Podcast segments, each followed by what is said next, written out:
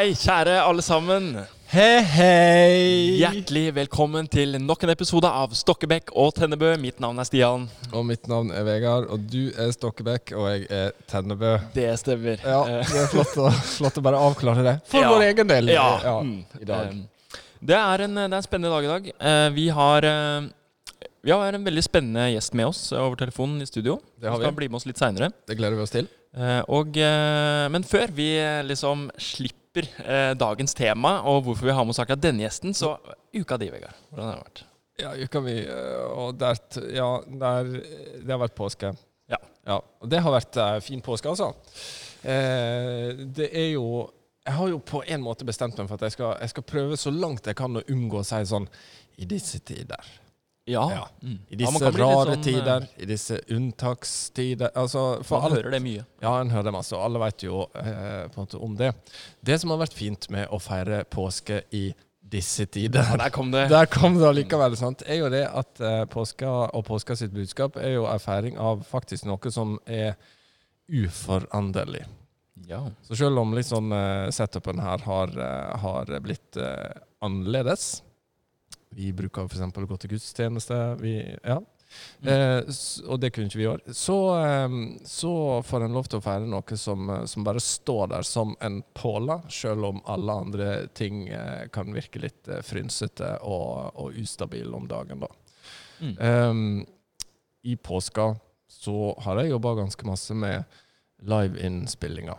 Ja, fordi Ja. det eh, Dere har altså liveinnspilling fra bedehuset her på Sandane. Ja. Som vi sitter i nå, Ja. vi to, og to ovner. For her er bikkje kaldt. Her er det så kaldt. Ja. Sitter med hver vår kaffe, prøv, pakka oss inn i store vinterjakker. Ja. Og eh, i hvert fall jeg har en ganske stor vinterjakke. Din ser litt uh, fin jakke. Litt puslete i, for, i forhold. Ja. den er Ikke så varm. Nei, den er ikke så varm, nei. Men uh, du har caps, da. Det Ja. har ikke jeg. Ja. Jeg har såpass tjukt hår, jeg. Ja.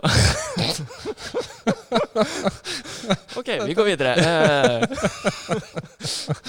okay. Nei, eh, for min del, siden du er så interessert i å spørre, eh, så Eh, Stian, jeg har lurt på en ting. Ja. En hel uke. Ja.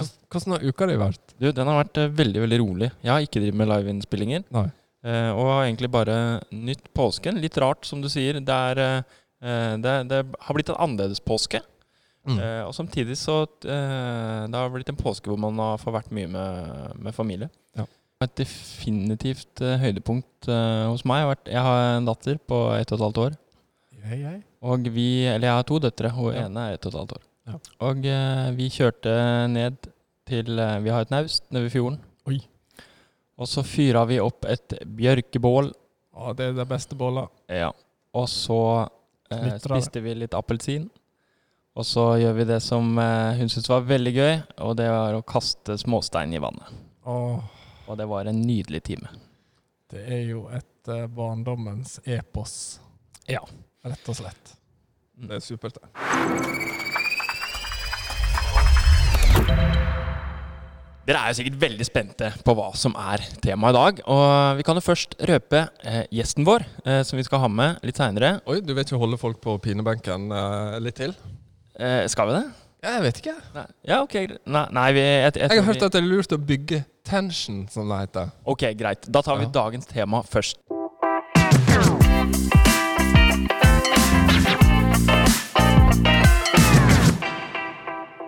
Skal vi røpe det? Eh, Ja, jeg syns vi skal røpe det Jeg synes vi skal røpe det faktisk med en gang. Ja, vi gjør det.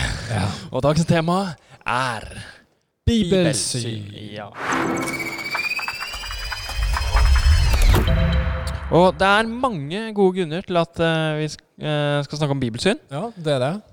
Og samtidig så er det kanskje noen der ute som tenker Det var da voldsomt. Det er det dølleste jeg har hørt. Forferdelig kjedelig. Eh, Jeg har ikke lyst til å høre mer om Bibelen.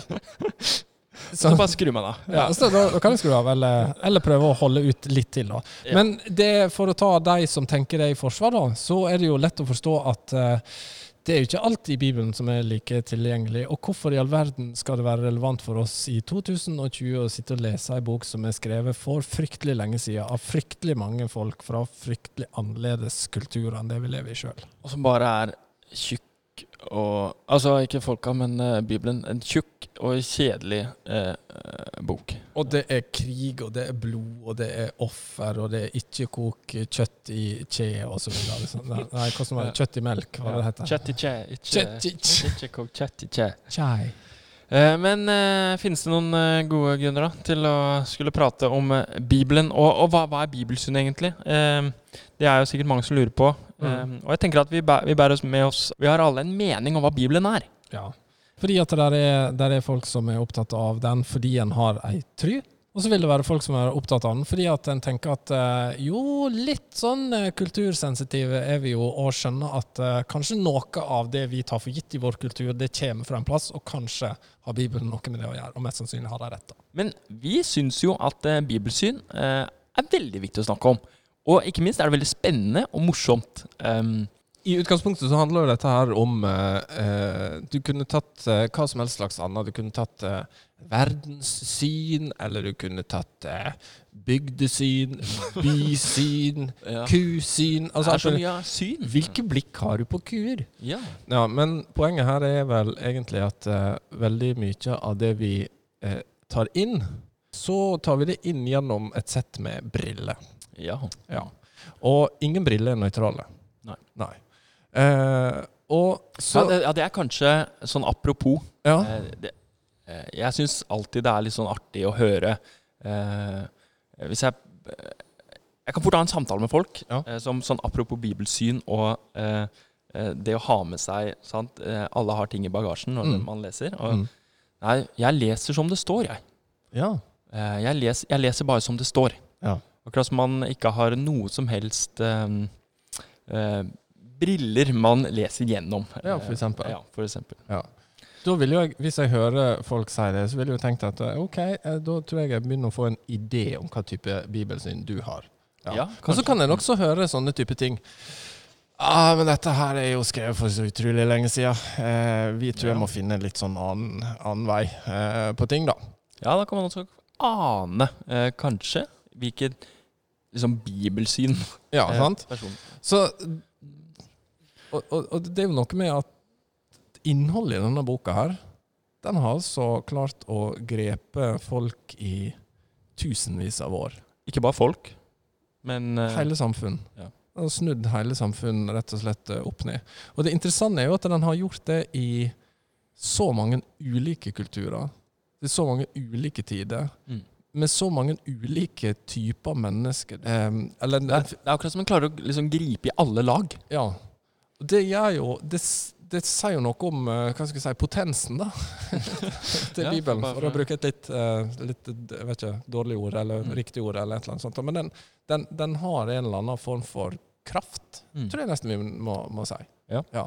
Og da blir det litt interessant å si noe om hva og ha en samtale om hva, hva, er det, hva er det med denne boka, og hvordan kommer vi denne boka i møte, eventuelt hvordan kommer denne boka oss i møte. Mm. Det, det bibelsynet er så viktig fordi jeg tenker at det bibelsynet, eller det synet du har på Bibelen, det definerer ganske store deler, eller eh, store områder da, av, Mm. av livet ditt. Mm. Eh, eh, det får konsekvenser for hva du tenker om hva eh, mennesket er. Mm. Det får konsekvenser for eh, eh, hva du tenker om deg selv. Det får konsekvenser for hva du tenker om Gud. Det får konsekvenser for, Eller det får ganske store konsekvenser. da. Ja. Eh, og så tror jeg at man, man bærer med seg et bibelsyn, og eh, kanskje, er, kanskje har du et veldig bevisst bibelsyn. Mm. Ja, dette er mitt bibelsyn. Jeg har et eh, knallklart bibelsyn. Det ser sånn ut. Eller kanskje du eh, egentlig ikke er så verken opptatt av, interessert i, eller egentlig har tenkt over eh, hva du tenker om Bibelen.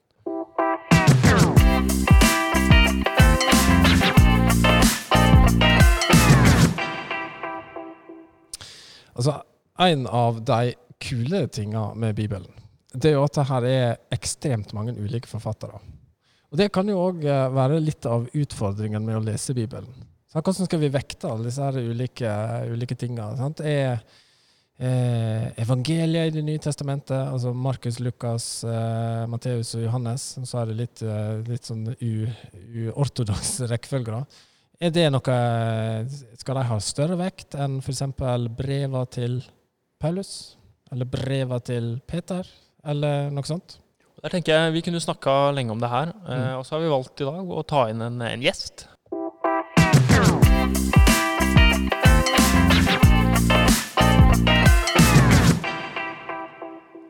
Yes, Dagens tema er jo eh, bibelsyn, og eh, i den forbindelse så har vi med oss en veldig spennende gjest i studio. Eh, Sverre Bø, velkommen. Takk for det. Eh, kan ikke du fortelle oss litt om, eh, om hvem du er? Jo da, jeg er bosatt i Oslo. Jobber som professor i Nytestamentet på Fjellhaug internasjonale høgskole. Og har ellers vokst opp i Japan og fått studert litt i ulike land. Studert litt. eh, Du slår meg som eh, en litt beskjeden mann. Du, eh, stemmer det at du har en, en doktorgrad i Det nye testamentet? Ja, det stemmer. Jeg fikk sjansen til å bruke noen år på å forstå sammenhengen mellom Johannes' åpenbaring og så Det gamle testamentet. Møter du mange på gata som er opptatt av det samme som du? ikke på det spesifikke plan, men det tar som regel ikke lang tid før vi finner noe vi faktisk er interessert i sammen. For eller tanken på at det finnes en gud, at han vil meg noe, at jeg er laget av han. Mm. Jeg skal ikke skrotes når jeg dør, men han vil noe for meg og med meg. Det er jo ganske sterke saker. Eh, Vi har jo eh, som sagt, det er bibelsyn vi skal snakke om i dag. og eh, Tenker du at det er viktig? Er det noe du er opptatt av i, i dine studier? Ja, absolutt. Både frivillig og ufrivillig, skulle jeg nær sagt. For uh, frivillig fordi jeg er utrolig glad i Bibelen. Og ufrivillig på den måten at jeg møter veldig mange som ikke er det, og ikke syns det er så veldig mye å bry seg om. Mm. Og da blir vi utfordra til å forklare hvorfor en 2000-3000 år gammel bok skal liksom bestemme inn i mitt liv og kirkens liv. eh, Både på det private plan og, og med store felles normer og verdier. Ikke rart at sånt skaper debatt. Eh, tenker du at Bibelen har autoritet, og eventuelt hvordan er den autoriteten? Ja, den har autoritet. Den er fundamentet, men den er også en befaling og en norm fra Gud selv. Og det er noe jeg har lært av Jesus. Mm. Gjennom alle evangeliene så ser vi hvordan Jesus hele tiden viste til Det gamle testamentet og bøyde seg for det. Og eh, da lærte han oss hvordan vi skal lese Det gamle testamentet. Og så er jo da Nytestamentet selve sitatet av hva Jesus sa, og fortellingen om hva han gjorde. Og i forlengelsen av det, de apostlene han valgte seg, og som han ga en fullmakt. Den som hører på dere, hører på meg, står det i Lukas 10. Mm. Det, hva, hva tenker du om sammenhengen mellom det apostlene gjør og sier og skriver, og det som Jesus eh, gjorde og sa? Ja, fra én side sett så var det Jesus selv som ga apostlene en fullmakt. Mm. Fra en annen side sett så var det Jesus som snakket gjennom disse apostlene. Ja. For apostlene de fortalte ikke hva syns jeg, hva syns du? Men de fortalte hva Herren selv hadde sagt og forklart. Og det hadde de fått autoritet til av Jesus selv. Og så er det et ganske tungt argument at alle de eldste menighetene over hele det nykristnede området, de var enige om at apostlenes skrifter og brevene til apostlene, de hører med i rettesnor, i kanon. Mm. Altså, Kanon, nå må du forklare oss litt. ja. Kanon det er et gresk ord som er det samme ordet som kanon. Ja. Kanon det er et rør som gir liksom retningen for kula. Hvor skal den treffe? ja. Og kanon det er eh, navnet på den målestokken eller den retningen som kristen tro skal ha. Så vi bruker det om de 66 bøkene som til sammen utgjør Bibelen Mm. i Gamle og Nytestamentet. Men eh, du snakker om eh, apostler. Hva var det som var så spesielt med eh, det, det var en tjeneste. og hva var det som var så spesielt med aposteltjenesten? I Det nye testamentet så er det en sånn hederstittel som brukes først om de tolv disiplene. Noen ganger kalles de disipler, andre ganger kalles de apostlene. Mm. Og eh, så brukes det noen få ganger også om noen flere enn de tolv. Først og fremst om Paulus, og så om Barnabas, og kanskje en to-tre tekster til litt bredere enn bare akkurat de. Men i all hovedsak de som Jesus hadde utpekt til å være eh, førstelinje rett etter hans egen himmelfart. Hvis jeg eh, har forstått det riktig, så eh, for å være en apostel så innebærer det at man måtte ha sett Jesus eh, etter oppstandelsen.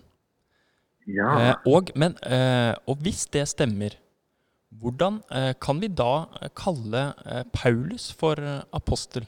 jo, men det stemmer som du sier. Eh, det har vi lært av apostelgjerningene kapittel 1. For da Judas hadde tatt livet sitt, så satt de jo igjen med bare elleve apostler, og så skulle de velge en ny til å fylle den tolvte plassen. Og da får vi høre hva skal til for å være en Jesu apostel. Og da sto det det må være en som har vært med og fulgt Jesus tett, helt fra den gangen han ble døpt av døperen Johannes, og like til han var tatt opp til himmelen i Kristi himmelfart. En som har hele veien sett, hørt og lært av Jesus. Mm. Det var de tolv. Men hvordan kommer da Paulus inn i det? Jo, det forklarer Paulus ganske grundig selv. Han sier det at det er annerledes med han enn med de tolv andre. Fordi at han har sett Jesus bare i et syn. Og Det var den gangen han var på vei til Damaskus for å arrestere noen kristne, at Jesus bråstoppet ham like utafor bymurene i en voldsom opplevelse av en lysende skikkelse som talte til ham med en kraft som slo Paulus til bakken. Og der fikk Paulus et oppdrag helt spesielt om å bli en sånn apostel som skulle bygge menigheter og veilede de menighetene. Så det Men- er et unntak med Paulus. Men er det på en måte nok at han insisterer på at han er det selv? Nei, for det er det jo mange som har opp gjennom historien. Mm. Nå har vi ikke bare Paulus' egne ord for dette. Vi har også apostelgjerningene, skrevet av Lukas.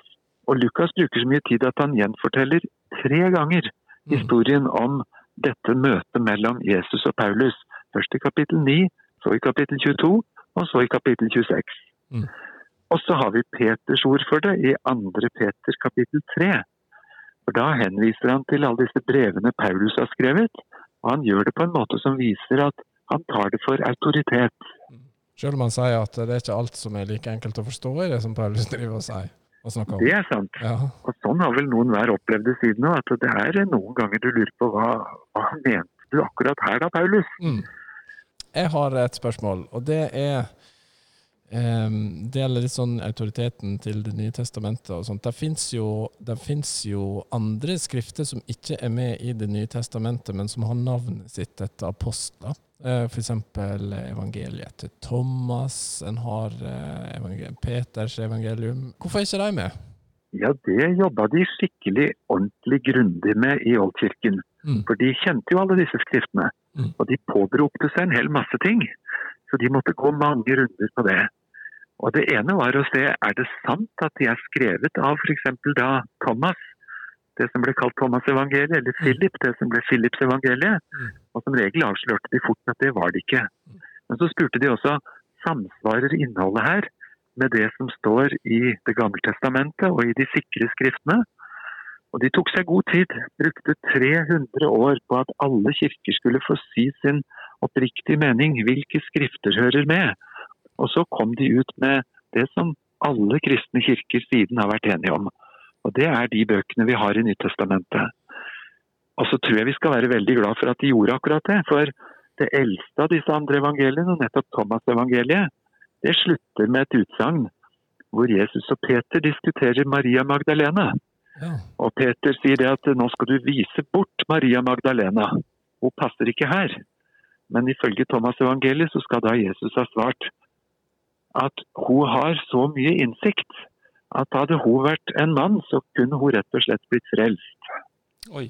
Så kvinnesynet Ja. i Thomas-evangeliet spriker ganske heftig fra resten av Det nye testamentet. Det kan du trygt si. For ikke en eneste bibeltekst antyder at det skulle være lengre eller kortere vei til å bli frelst, avhengig av om du er kvinne eller mann. Mm. Tvert imot. Mm. Her er ikke mann og kvinne, trell og fri, jøde og greker. Vi er alle ett i Kristus Jesus. Så det var bare et bitte lite eksempel på hvor bra det var at de første kristne satte en strek og sa sånt kan vi ikke ha inn i kirkene forkynt, for det er bare ikke sant. Men mange eh, Jeg har hørt på en måte disse her eh, altså sant, Nå har vi, uten å ha nevnt det direkte, så har vi snakka litt sånn om dette her kirkemøtet i Nikea i 325. da. Mange framstiller det som en litt sånn maktkamp. Fram til da så hadde kristendom, kristen tro, vært ganske åpent, egentlig. Og så her så tok noen affære og vant en heftig maktkamp og banka gjennom eh, noen ting. Og så til for, forvisning da for, for eh, andre ting, som kanskje kunne vært fine å ha i, i, uh, i, den kristne tro. Er det et korrekt bilde av det som skjedde på det kirkemøtet?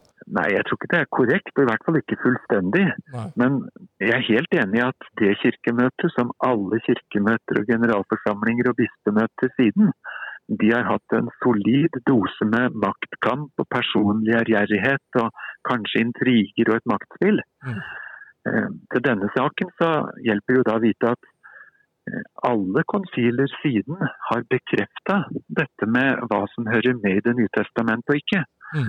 Og det var ikke bare ett møte, og det var ikke et flertall mot et mindretall, men det var tilnærmet enstemmig av alle kirkeledere fra hele den økumeniske verden. Mm.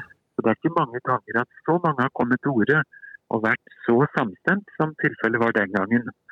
Og når du spør etter Paulus spesielt, så har det ikke vært én stemme mot et eneste av de brevene som vi har i Det nye testamentet fra Paulus. De har vært helt fra dag én i kirkens historie en selvsagt autoritet. Hva tenker du, eh, hva tenker du Sverre, om hva, er, hva vil være et eh, godt utgangspunkt for å jobbe med, med bibelsynet sitt? Da tror jeg jeg vil anbefale å begynne i den enden som sier La oss gå til evangeliene. La oss lese ifra Jesus selv. Hvordan behandlet han Det gamle testamentet? Og da tror vi vil fort se at eh, Jesus hadde en kjemperespekt for det skrevne ord i Det gamle testamentet. Mm. Eh, og Det er en sånn grunnholdning som har fulgt meg gjennom livet. Jeg har ikke lyst til å mene noe annet om troen enn det Jesus sa. Mm. Og Noe av det første som slår meg da, det er at Jesus viste en enorm tillit. Både til at det var sant det som sto, og at det var gyldig, og at det viste en vei. Så Det er i hvert fall et sted å starte. Gjerne begynne helt i Matteus kapittel 1. Først møter det på side 1 der, fra første linje. Mm. Så trekker de linjen tilbake til Det gamle testamentet. Er det ikke sånn, Sverre, professor i Det nye testamentet, at eh, det kan virke som om Jesus er han er mild og snill og glad i alle og veldig raus og inkluderende, mens Paulus er litt sånn hissig, litt sånn sint, opptatt av å sette grenser, sånn at det er innafor og utafor. Ja, det er et sånt ganske alminnelig bilde og et rykte som eh, jeg tror egentlig stemmer helt. Hvis du først spør etter hva Jesus sto for, så altså han var jo fryktelig skarp. Ikke bare mot rike og ledere, men f.eks. dette med fortapelsen, og bruke ordet helvede. Mm. Det er det jo omtrent ingen andre som gjør i Bibelen enn Jesus selv, men han brukte det ganske ofte. Mm. Og ikke bare som et ord, men saken også med der hvor en brenner med en uslokkelig ild, og der hvor man gnisser tenner, og ganske voldsomme bilder. Mm. Lignelsen f.eks. om den rike mannen og Lasarus. Det er jo skikkelig voldsomt. Mm. Så I sammenligning så er det ikke nærheten så krast beskrevet hva fortapelse er hos Paulus, som det som det er i evangeliene. Og motsatt. Det var faktisk Paulus som skrev kjærlighetens høysang i første Korinterbrev 13. Ja. Og en rekke andre sånne perler som har gått rett inn i kristenhetens ABC. Mm. Faktisk er det vel 102 navn som Paulus hilser til i brevene sine. Mm. Og Det tyder på at han har kjent ganske mange og huska navnene og hadde en personlig varm link til dem. Mm. Så jeg tror nok det at det er et litt feil inntrykk. Og samtidig, jeg er helt enig i at Paulus må ha vært en ganske bestemt herre. Mm. Og når Lukas skriver om f.eks. hans misjonsgjerning, så sier han også rett ut at det ble strid mellom Paulus og f.eks. hans gode venn Barnabas. Så mye strid at de kunne ikke fortsette samarbeidet for en tid, men reiste hver sin vei på hver sin misjonsreise. Så mm. han har sikkert vært en, en personlighet med, med, skarpe kanter, men ikke på en sånn måte at det er en motsetning saklig mellom det budskapet og resten. Mm. Sverre Bø, tusen takk for at eh, du ville være med i denne podkastepisoden om bibelsyn. Ja, takk for at jeg fikk være med, og lykke til videre. Jo, takk for det. Og eh, det har vært en, eh, et stort privilegium at du vil være med oss.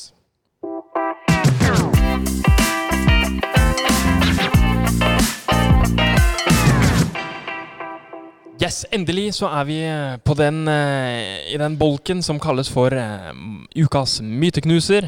Og denne gangen så er det, det er ganske høy eh, temperatur. Det er kjempehøy temperatur. Endelig. Og, eh, ja, endelig. Ja. Og vi skal, eh, og dagens myte er som følger. Du kan ikke putte Gud i en boks, har jeg hørt folk si til meg. Det er dagens myte. Ja. Og temperaturen går jo på Er det myte? Det er jo ikke myte, det der. Det er bare en påstand. Det bare... Ja, det er jo en påstand. Ja, det Eh, det. Men hvis du hevder at eh, du kan ikke putte Gud i en bås, bås ja, kanskje det er en myte. Kanskje Ja. du kan putte Gud i en bås. Eh, eller kanskje ikke. det, da, jeg tenker umiddelbart på hvem er det som har behov for å si sånne ting.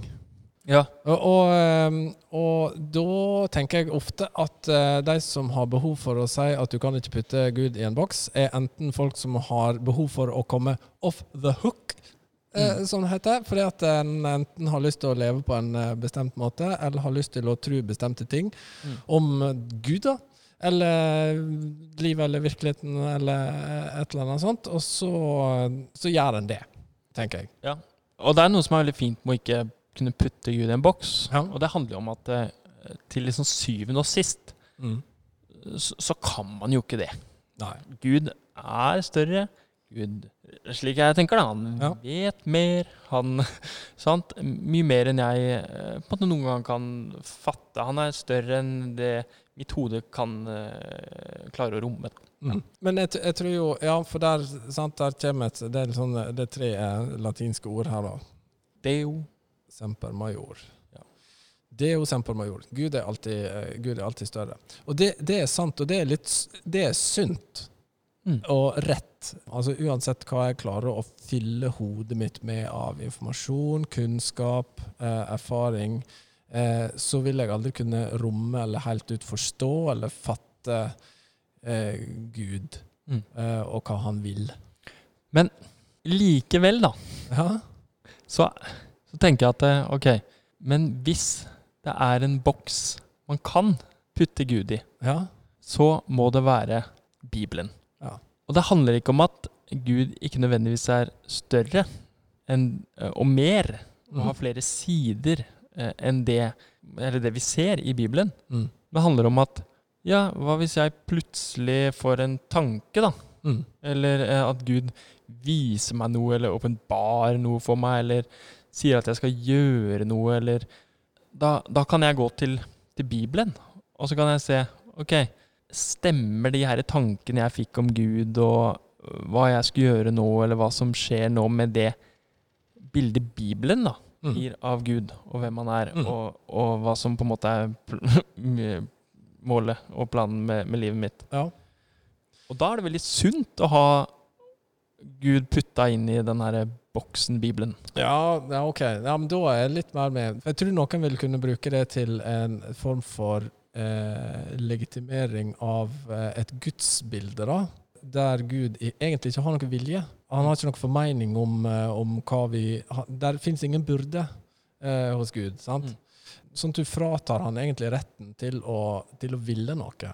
Mm. eh, når, en, når en sier det. Så, så er jo på en måte kjempeenig i at eh, jo, der fins et type fastpunkt. Der Mm. fins en form for konsistens Mm. eh, i Gud. Og det har litt referanse også til sant, temaet vårt i dag, bibelsyn. Mm. At der, der, er, der er noen ting som eh, Bibelen sier om Gud, eh, og om Guds vilje, som kanskje da putter han i en boks. Altså på den måten at Gud har tatt et standpunkt, eller Mm. Gud, Gud vil noe. Og så må vi forholde oss til det. For å si det litt eh, enkelt, da. Du har, du har en pastoral tjeneste, Vegard, på, på Sandane. Ja. Eh, og hvis du plutselig hadde stått her eh, på et møte og bedt meg om å selge huset mitt, eller, eller hvis du plutselig har sagt at nå er Gud Gud har blitt, og Gud er den hjorten her ute Eller helt banale ting, da. Så kunne Ja. jeg sagt ja, stemmer det her egentlig med Bibelens bilde av hvem Gud er? Mm. Og så kunne jeg uh, sett at nei, det gjør det ikke. Eh, og det er litt sånn godt å kunne ha denne boksen å forholde seg til. Mm. At Gud er noe som er, som du har sagt, fast, noe solid. Ja. Noe som er uforanderlig. Mm. Noe som ikke forandrer seg fordi du har fått en tanke om det. Eller. Og så tror jeg òg at hangen til å si at du ikke kan putte Gud i en boks, høres utrolig sånn open-minded ut. Ja. Veldig sånn åpent, raust eh, sånt. da. Men jeg tror det er hakket mer eh, snevert og ekskluderende enn en i utgangspunktet tror. da. Mm. For det å si at du ikke kan putte Gud i en boks, er ikke det nettopp å putte Gud i en boks? Å, der er det lag, vet du. OK, siste bolk i Siste denne- bolk. Ja, sant? Det er hva gjør vi med dette her? Hva tar vi med oss? Hva eh, lar vi eventuelt uh, ligge igjen? Hva betydning uh, kan vi, Hva kan vi trekke ut av det her av praktisk verdi? Mm. Um, Stian, hva eh, tenker du? Hva tenker jeg? Jeg tenker at uh, er et Jeg syns fortsatt det er et veldig spennende tema. Mm. Så syns jeg dialogen med Sverre Bø var veldig uh, inspirerende. Og fin. Eh, For en fin mann. For en fin mann. Gøy å Mm. høre uh, noen med liksom pondus, da, og Mm. noen som har oversikt og, og kan, kan Bibelen sin. Mm. Ja. Og så tenker jeg at jeg, jeg, jeg går vekk med en litt sånn frimodighet, da. Ja. Tenker at, vet du hva, jeg tror Bibelen er relevant. Mm. Jeg tror den vil meg noe. Jeg tror at, at det er fornuftig å lese den, selv om vi er i 2020. Mm. Eh, og eh, det som, som er litt sånn typisk, da, tenker jeg, når jeg leser Bibelen, det er at eh, det er ikke eh, dokument som jeg bare leser, og så blir jeg ferdig med det. Mm. Men det er noe som eh, hele tiden vil meg noe, Mm. eh, og som lar meg se på ting Mm. eh, med et ulikt perspektiv. Eh, Ja. Eh, og, det, og det er litt sånn slående også. Jeg, jeg husker eh, sånn verdensbildet mitt fra før jeg begynte å lese Bibelen. Det så ganske annerledes ut enn ja. det gjør eh, etter at jeg begynte å lese Bibelen. OK. Eh, Det påvirka deg på et vis? ja, og, og det er noe med at eh, sant, man blir møtt av eh, noe som er eh, såpass annerledes. Mm. Eh, selv om ja, hele samfunnet vårt er på sett og vis bygd på eh, et eh, eh, sant? Det er noen verdier her som Og selv om jeg har vokst opp i denne kulturarven, Mm. så eh, påvirker det en ganske mye å, å sette seg ned og, og lese Bibelen. Det, det snur ganske liksom opp ned da, på, på det verdensbildet, i hvert fall jeg en, en gang hadde. Eh, hvordan jeg tenker om folk, hvordan jeg tenker om eh, hvorfor jeg er her, Mm. eh, ja, osv. osv. Hvilken bok vil du se og stakke vekk godt Bibelen hvis du hadde det? I dag har jeg faktisk I dag føler jeg meg lompen.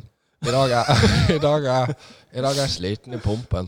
Når, når, jeg, når jeg føler meg eh, ja, lumpen og, og sliten, Ja. i, sliten så, så Jeg orker ikke mer nå. Nei. Da, da, da liker jeg å, å bla opp i i Forkynnerne. Oh. Eh, og det er kanskje en av mine favorittbøker, fordi det de snakker om Det har en litt sånn eh, Med tanke på liksom mitt verdensbilde, så har eh, forkynneren en litt sånn realistisk bilde på hvordan livet egentlig for mange ser ut til det dag daglige. Ja. Det er denne mannen som går og jobber under solen. Og så sier han Å nei, fillen. Fillen, her er det jo akkurat som det var før. Føler meg lumpen og Ja. Ja. Dette, OK. dette, dette tror jeg ble et kjempeflott segment, og vi dedikerer det til hele Lumpenheten. Ja. Mm. Hva, hva tenker du, Vegard? Nei, jeg, jeg, jeg tenker at Bibelen har eh, jeg, jeg blir stadig fascinert av, og, og tenker at jeg har fortsatt lyst til å la meg fascinere av liksom evnen den boka har til å eh, ikke bare bli lest, men å lese meg. Mm. Eh, og til å gi eh, nye perspektiv, nye innsteg til situasjoner som jeg finner meg i i hverdagen min. Mm. Eh, og som er liksom gang på gang på gang blir overraska over heian altså, hvor, eh, hvor relevant eh, dette her er. da. Og ikke bare på en sånn her, ikke bare sånn her Hva skal jeg gjøre? Sant? Og folk, jeg tror jeg òg kan bli veldig opptatt av «Ja, jeg må gjøre sånne og sånne ting, eller eh, sånn, og, og Bibelen skal være en sånn type to do-liste for meg. da. Men mest av alt eh, så, så kjenner ikke jeg at jeg har et forhold til Bibelen på den måten at jeg opplever å bygge og være mottaker av det Jesus har å gi til meg. da. Mm. Det høres Når jeg sa det, så hørtes det bare utrolig tåkete ut. Men, men, men eh, at jeg, jeg opplever at jeg har en relasjon til Jesus når jeg leser i Bibelen. Ja.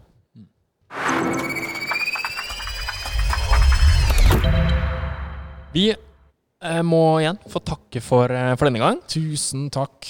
Og eh, så er det altså bare å glede seg til neste uke med Stokkebekk og Tennebø podkast. Takk for denne gang.